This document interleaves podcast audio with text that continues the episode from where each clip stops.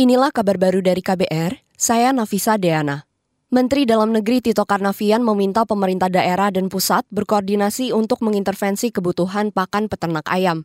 Tito mengatakan, naiknya permintaan dan mahalnya pakan menyebabkan masih tingginya harga telur ayam ras. Nah ini perlu kerjasama antar daerah dan perlu ada intervensi dari pemerintah pusat, badan pangan, kementerian perdagangan, khususnya perdagangan dalam negeri, untuk bisa memberikan bantuan, dukungan supaya terjadi kerjasama antar daerah. Bila perlu mengeluarkan cadangan, cadangan pangan pemerintah. Misalnya kalau misalnya telur ayam ras dan daging ayam ras naik karena pakannya yang naik, jagung harganya naik, cadangan bulog kita pada cadangan pangan bila perlu dikeluarkan.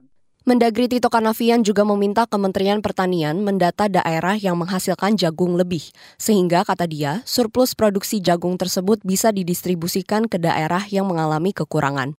Saat ini harga telur ayam ras menembus 55 sampai 58 ribu rupiah per karpet isi 30 butir. Harga ini telah melampaui harga normal yang biasanya hanya berkisar antara 35 sampai 45 ribu rupiah per karpet. Kita ke berita lain. Komisi Bidang Aparatur Negara dan Reformasi Birokrasi DPR mendukung adanya usulan kenaikan gaji untuk aparatur sipil negara atau ASN.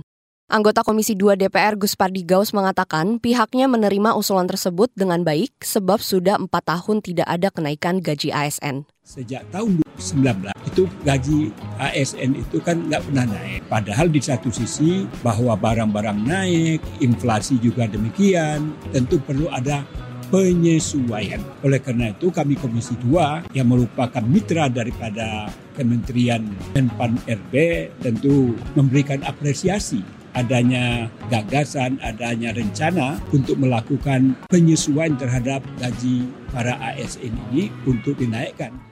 Anggota Komisi 2 DPR Gus Pardi Gaus menuturkan Menteri Pan RB dan Menteri Keuangan sudah berkoordinasi untuk merealisasikan hal tersebut. Fraksi lain yang mendukung kenaikan gaji ASN ini juga diserukan oleh Partai Persatuan Pembangunan atau P3. Anggota P3 Muhammad Aras mengatakan pemerintah harus lebih memperhatikan kesejahteraan ASN. Kita ke berita selanjutnya. Pemerintah Kabupaten Cilacap, Jawa Tengah menginstruksikan jajarannya untuk mencari sumber air bersih untuk mengantisipasi musim kemarau di wilayah rawan kekeringan. Penjabat Bupati Cilacap Yunita Dia Suminar memastikan komitmen pemerintah kabupaten menyalurkan anggaran untuk pembangunan infrastruktur agar sumber air bersih bisa dikelola sebagai solusi jangka panjang. Kata dia, pemerintah kabupaten juga melakukan edukasi kepada masyarakat di daerah rawan kekeringan untuk efisien dalam penggunaan air bersih. Langkah selanjutnya adalah perlindungan mata air dengan penanaman pohon. Itu dipetakan daerah-daerah yang selama ini kalaupun tidak ada kekeringan ekstrim, mereka mereka kering, maka daerah-daerah itu kemudian kita pastikan bahwa ada sumber-sumber air yang nanti harus dialokasikan ke sana.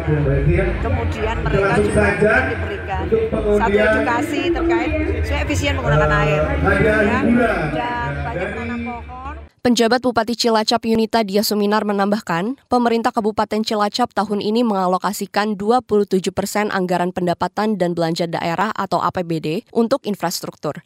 Salah satunya untuk pembangunan penyediaan air bersih untuk masyarakat. Demikian kabar baru dari KBR, saya Nafisa Deana.